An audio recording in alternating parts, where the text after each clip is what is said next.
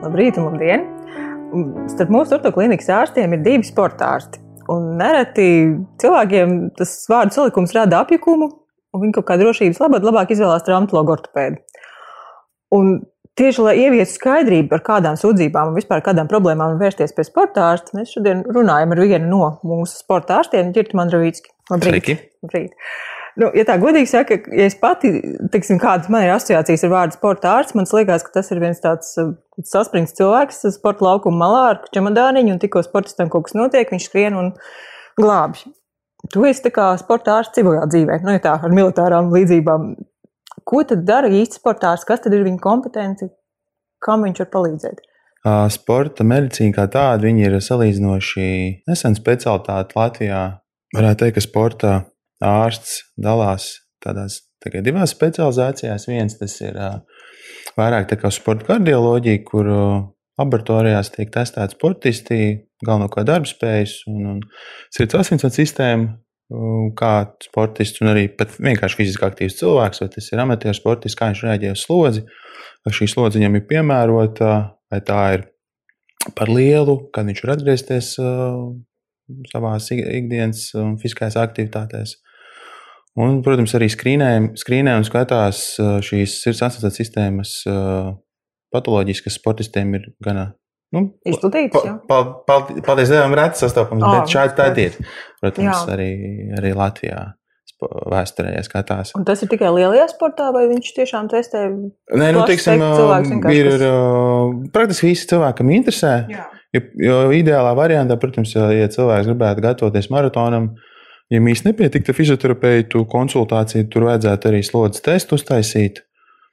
Tādu pilnu slodzes testu, kas, kas ir būtu kardiogramma, miera kardiogramma, slodzes kardiogramma un pats slodzes tests. Latvijā to var taisīt divās vietās - Olimpiskā vienība un sporta laboratorija, dr. Rozenštoka. Kā tad īsti ir cilvēks iegūst šo kā, nu, diagrammu, tos datus, bet sporta ārsts arī konsultē, nu, šīs kompetences sporta ārsts arī konsultē, kā tad trenēties, ko darīt, vai tā jau ir cita speciālista? Tieši, nē, nē, tieši, tieši, tieši arī ir tas, tā atšķirība varbūt starp kardiologu, ja ka kardiologs uztais to mieru kardiogrammu vai, vai slodzes testu, un attiecīgi vienkārši pasaka, ka uh, kardiogramma normāla, un viņš slodzi var izturēt, un tā sporta medicīna, tagad sporta ārstēšana, viņš vairāk skatās tādos niansēs, sīkumos, vai šīs darbspējas ir piemērotas konkrētam sporta veidam. Ja, piemēram, tas ir uh, spēka sportists, un mēs redzam, varbūt zemākas izturības darbspējas, tad mēs tur neuztraucamies, nekoriģējam treniņu plānu. Bet, ja tas ir izturības sportists, kuram zemes darbspējas, tad, protams, un tādā veidā regulāri tas tiek darīts Bērnu Kliniskās universitātes slimnīcā, kur tādi vienkāršāki testi, kas varbūt nav tik laikietilpīgi, jo to var tomēr tas ir arī laiks. Un, un tur tādi tiek veikti, tur arī tā um, ikgadējā apskata tiek veikta. Un tāda profesionālāka jau pieeja tā ir uh, Olimpiskā vienībā un sporta laboratorijā. Un kaut kas nedaudz arī ir reģionos, piemēram, Lietpājā. Tādā vienkāršākā līmenī. Uh, Un šī otra daļa, tad, tad tas ir jau vairāk tāda kā sporta traumatoloģija, sporta rehabilitācija, kur arī es pats vairāk kā, uh, cenšos specializēties. Pagaidām sanāk pa abām. Bet uh, šī otra daļa, tad, attiecīgi, tā ir tā, kur nedaudz pārklājās ar rehabilitācijas ārstu, ar fizioterapiju, ar traumatologu. Jā. Um, tā atšķirība varētu teikt, ka ir um, tāda, ja kopumā ārzemēs, tad, tad sporta ārsts praktiski ir lielākoties traumatologs bez eh, neoperējuša traumatologs. Praktiski tā skatās. Tad, tad ir konservatīva ārstēšana traumu gadījumā.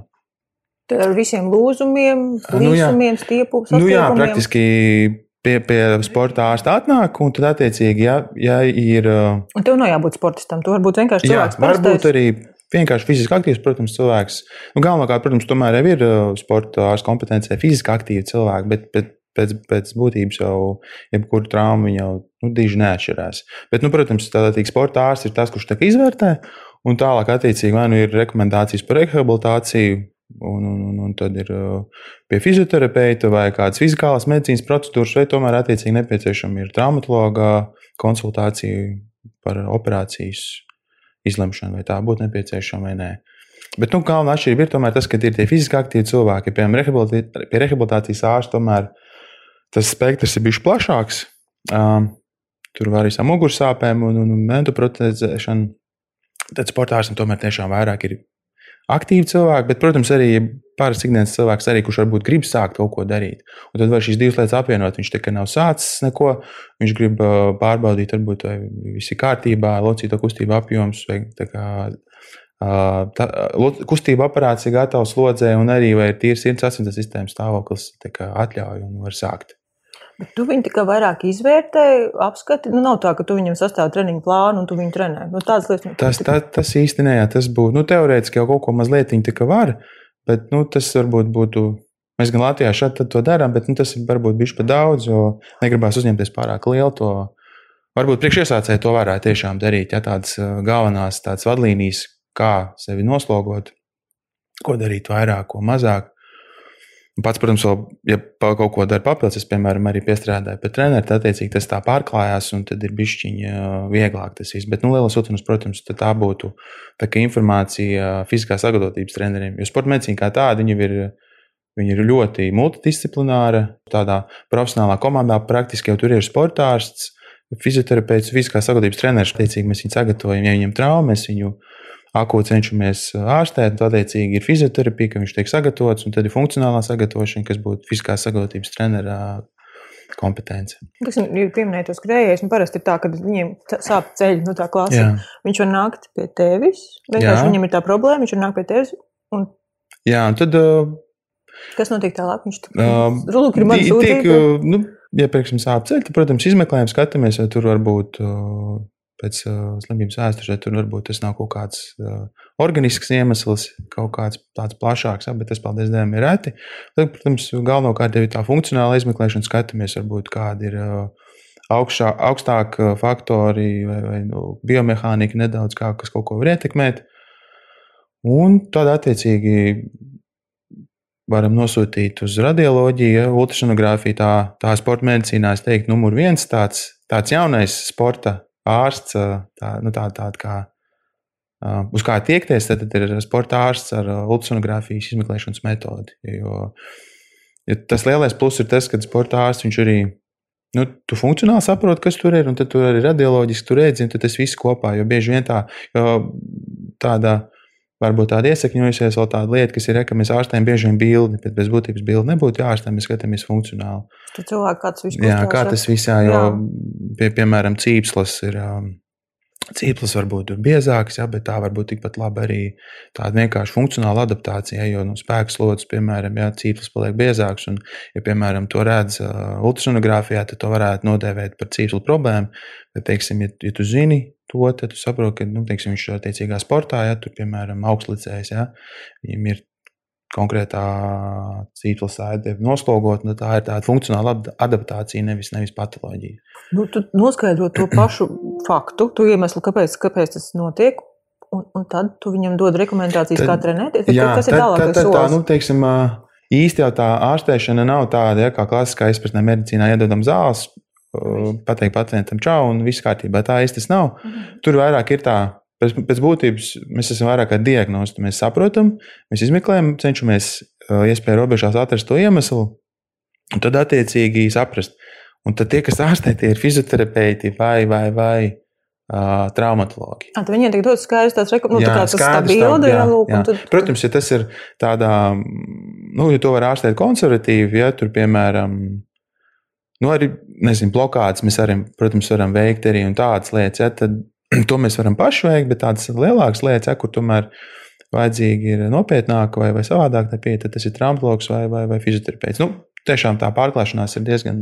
Tur tu veic arī blokādes, principā. Nu, jā, sportā ārstā, jā. jā. Pasaulē notiek. Vienkārši Latvijā tas kaut kā arī apmācību procesā, es teiktu, ka īsti, īsti ir tā novērtā, bet pēc būtības, jā, pasaulē sporta ārsts, viņš ir neoperējuši traumatologs, PRP injekcijas, blokādes, dažādas citas lietas. Ultrasonogrāfijas kontrolē tikpat labi sporta ārsts arī var veikt. Amerikā, piemēram, tādas ultrasonogrāfijas kontrolē mazas operācijas, ko var veikt ambulatori, kur nav nepieciešama vispār anestezija. Mm -hmm. Bet, nu, protams, tas ir tāds pasaules līmenis, un līdz tam vēl ir Latvijā, kur augt. Bet, nu, iespējas ir.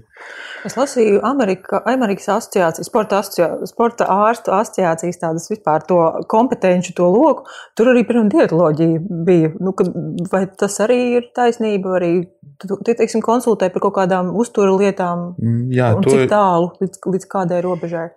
to noteikti var darīt, jo, nu, sporta ārsts, viņam vēl tā, nu, ko es vēl nepateicu, ir Jā. fiziskās aktivitātes slimību gadījumos. Un līdz ar to tas būtu tāds tā kā veselīga dzīvesveida izplatība. Nu, jā, tās propagandētājs tieši tā, jā. Jo, nu, fiziskās aktivitātes un, un veselīgs uzturs, dzīvesveids, tas viss visiet kopā. Līdz ar to arī pašam sportistam, bet arī fiziski aktīvam cilvēkam, kurš vēlās sportās, noteikti viņš var sniegt informāciju par to, par uzturu, par uzturu plānu, kas būtu vajadzīgs, kas nevajag kilokalorijas, piemēram, pietiek vai nevajag.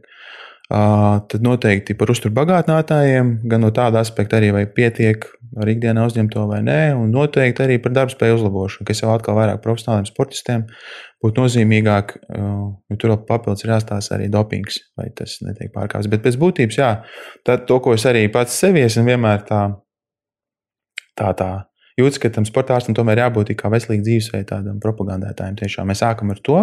Jums jārūpēs arī par vienkāršu parasto tautu, lai viņi ir fiziski aktīvi. Un kā palīdzēt arī dažādu slimību gadījumos ar fiziskām aktivitātēm, kas Latvijā diemžēl īsti nav. Ne valsts programmā, ne, ne, ne, ne īsti tā. Tas nozīmē, ka nu, tā, to mūsu klasisko covid, kas pašlaik ir visur, tas nozīmē, ka cilvēks teorētiski nu, gribētu zināt, ko viņš var profilaktiski darīt pret visādām plaušu mm. slimību profilaksē. Protams, viņš var nākt pie tevis un tu viņu kaut kā varēsi konsultēt. Mm. Es tā uzreiz pie zēmas un pie. mm, īsti. Vai tas, tas, tas, tas, tas īsti tas ne, tik specifiski nē. Bet, tiksim, ir kaut kāda trauma vai kaut kāda problēma. Jā, bet, nu, piemēram, cilvēks ir nu, tas pats, kuru, kur ir palīdzēties lodziņš. Es, piemēram, cilvēkam ir otrā tipa cukuru diabetes, vai viņam ir, piemēram, aptaukošanās vai, vai, vai sirds asinsvads sistēmas slimības, tad uztaisot šādu testu, mēs redzam, kāda ir tās darbspējas, ko viņš varētu darīt, ko nevarētu darīt. Padoties pēc. Tad cik smagi tie treniņi drīkst būt? Kādā institūcijā par tādā veidā? Jā, jā. Uh -huh. Uh, nu, protams, tur jau var rakt dziļāk. Tur ir tāda slimība kā cistiskā fibroze, arī onkoloģiskām lietām, jā, bet tas Latvijā ir. Uh, nu, tas ir ļoti tādos aizmeļos. Es pat teiktu, ka īsti, es pat īsti nezinu, vai kolēģi ir to tā tā darbojas, bet pasaulē ir. Jo angliski ir sports un exercise medicine doktori, tātad uh, sporta un slodžu medicīnas ārsts. Ja cilvēkam ir problēmas, kā mēs varam uh, fizisko aktivitāti, kā medikamentu izmantot, lai kaut kā vismaz atvieglotu simptomus, vai varbūt pat ārstēt dažos gadījumos. Jā, jo tās fiziskās aktivitātes viņas ļoti, ļoti daudz ko var preventēt, bet arī var tieši, tieši arī vispār ār, nu, ārstēt. Jā. Tāpat aptaukošanās. Un, otrā tipa cukuru diabetes, ja tas sākuma kaut kādos līmeņos to visu ārstēt. Kāda tev pašam ir, nezinu, vai, vai diagnoze, vai pacienti, kas tev liekas interesanti? Vispār, kur, kur ir tā tava joma, kas tev visvairāk interesē šobrīd visā tajā sporta mm. medicīnas? Tā kā diezgan plašajā laukā sanāk.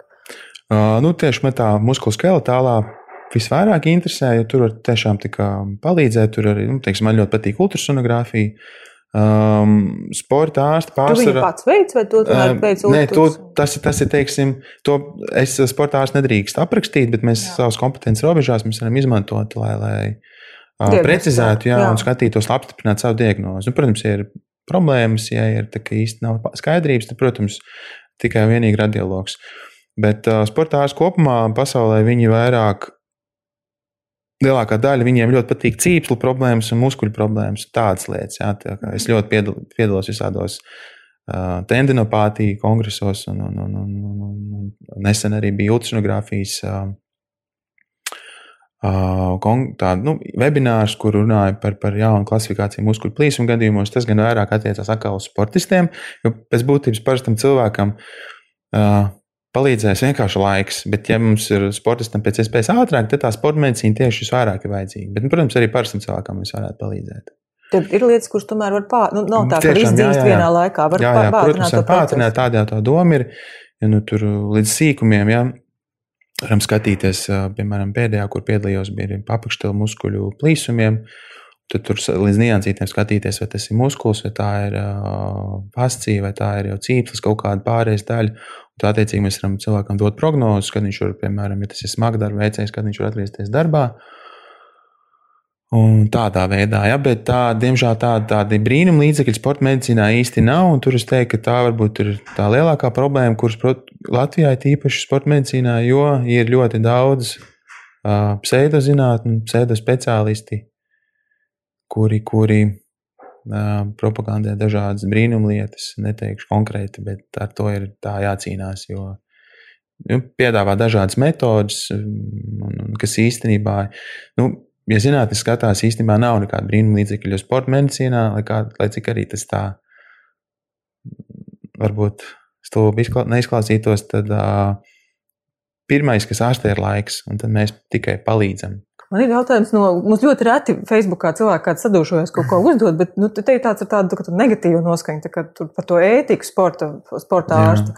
Un tad bija tas jautājums par to, nu tad Kā tur ir, vai, lai, lai būtu lielāki sasniegumi tam sportistam, vai nav tā, ka sporta ārsts dara kaut kādas nu, uz, uz, uz nu, tādas nelikumības robežas? Tur palīdz. Mm, jā, nu, tas, tas ir jā, lielos vilcienos, tā māksla sporta ārstam ir manevrēt starp, starp ārsta ētiku un, un, un tām, tā, tā, tā spiedienu no vadības puses, jo tāda augst, ļoti augsta līmeņa sportā.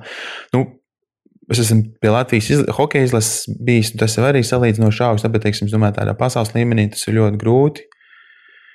Jo bieži vien ir īsti nu, tas spiediens no vadības ir daudz lielāks, bet jā, tā ir, tā ir liela māksla. Nu, vis, vis, vis, vis, visvairāk, kur tas var izpausties, tas ir traumu gadījumos, ja, kur tas, ko var sporta ārsts izdarīt, ir akūti ievadīt vienkārši lokālu anestēziju un kādu lielāku šprici, un tad viņš šo traumu turpina spēlēt. Bet nu, tā, kad runājot arī pasaulē ar kolēģiem, tomēr īsti cenšas to nedarīt, jo tad ir jāizvērtē, ka tas, tas laika zudums, jā, ko viņš pēc tam varbūt iegūstot šo vienu spēli, jā, šo, šo vienu uzvaru, jā, tad viņš pēc tam ļoti daudz ko zaudēs. Tāpēc pamazām jau īstenībā arī tur tā, tas nedaudz stabilizējās, varbūt tādā pagrīdē kaut kur. Tas, tas gan noteikti, to es zinu, ka tur, tur tas savādāk, jā, bet tādā augsta līmeņā neriskēja, ko to mūsu sportists Kristaps Porziņš, ja viņam kaut kāda mazākā trauma, viņa saudzē, sargā. Necenšamies tur viņu vienu dienu ilgāk, lai, jā, labāk, lai maksimāli, jo lai viņš ir viss ātri nost, lai sadzīst, viss ir kārtībā, un tad uz laukumu. Ja? Tādi tā, tā nu, mēs sargājamies, domājam, vairāk mēs saprotam to fiziskās sagatavotības nozīmi, ja? ka tā, nu, tam ir daudz, um, ļoti liela nozīme, mēs par to vairāk domājam. Bet, nu jā, Tad bija vēl viens jautājums, kā kaut kas savukārt no sportistu puses, jo viņi parasti arī, lieli, nu, pat ne tikai lielajā sportā, ir diezgan nežēlīgi paši pret sevi. sevi. Un, attiecīgi, piemēram, tas jautājums bija par to, ka, ja cilvēks, tas sportists, viņš simulē kaut kādas slimības, jo zinot, ka viņš dabūs konkrētus medikamentus, ka tas ir arī tāds stimulants, kas viņam var palīdzēt, tiksim, to sniegumu augstu paaugstināt. Tur bija konkrēti par asmas preparātiem. Jā. Tas, kā ar šo? Kā ar nu, lai sportists varētu lietot kādus medikamentus, kas ir valsts antidopinga aģentūras sarakstā, tad tur noteikti ir vajadzīga terapeitiskā atļauja. Tad tur ir ārstu teikt, kabineti, jā, jāiziet jā. cauri, ir jā, jābūt šai atļaujai diagnozē, ka viņš drīkst lietot. Tā kā tik viegli tas nav, tas, tas viens sporta ārsts, ja, kurš to ļauj. Jā, jā, nē, noteikti, ka jā. tas tā nav. Tur ir nu, nopietni dokumenti vajadzīgi. Pēc tā ir tas, kas ir vēsturē, mēs nu, zinām, ja, kā, kā to var piesakt visu, diemžēl. Ja. Bet uh, ar astmu, protams, tas varbūt ir tā ļoti slideni, jo ir tikko nesen iznācis tāda uh, pētījumu apkopojums, kur arī pierādījās tas, ka uh, pat uh, valsts antidopinga aģentūras atļautās vi, uh, astmas zāles daudzums, vielu daudzums, viņš pat var uzlabot darba spējas. Tātad, tas būtu medikaments salbutumos, kas galvenokārt kas ir īsts, ātrs, īsts darbības. Tā attiecīgi arī pat tas uzlabo darba spējas. Tur gan vairāk šī astma ir izturības sportistiem, slēpotājiem, kalnu slēpotājiem. Ja?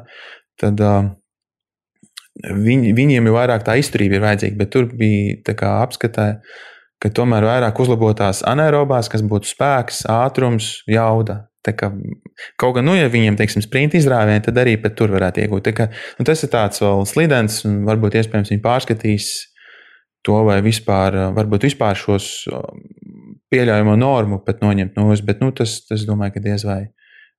Bet, nu, protams, profesionālā sportā tās nianses tur ir. Tur sportists cīnās par katru milisekundi, un, un, un tur ir. Uh, Ar visu gatavu ziedot. Jā, jā, jā nu, tā ļoti augsta līmeņa tur tas, tas tā, diemžēl, ir.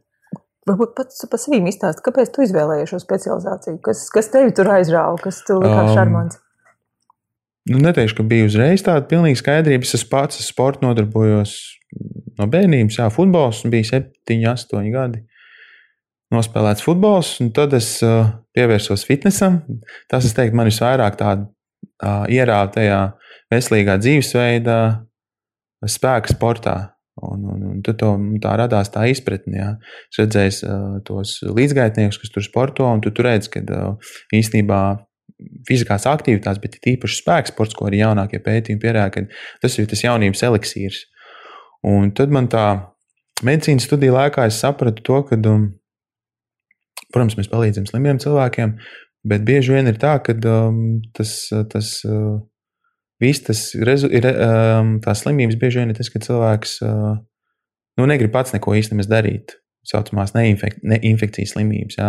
tās dzīvesveida slimības, tās ir asociētas sistēmas slimības, kur diabetes tā tālāk. Jā. Un to man bija tā sajūta, ka es gribu palīdzēt cilvēkiem, kas sev paši grib palīdzēt, kas grib kaut ko darīt. Un, gribi tā kā motivēt. Jā, jā, jo arī tā vide ir pilnīgi savādāka, un ar fiziskām aktivitātēm mēs varam darīt brīnumlietas muskuļi izdala dažādas molekulas, kas uz kaut ko signalizē. Un, un ķermenī noteikti pozitīvas pārmaiņas, jā, smadzeņu audi pārveidojās un tā tālāk. Līdz ar to tas, tas ir tas, ko es kāpēc to aizgāju izvēlēties, mācīties rezidentūrā. Un, protams, tāpat mācību process turpinās, un es esmu ļoti priecīgs. Nu, tā, kad es sirds lietā teikt, jā, neko citu. Tas, tas ļoti forši. Nu, ko, paldies tev liels par sarunu. Paldies! paldies.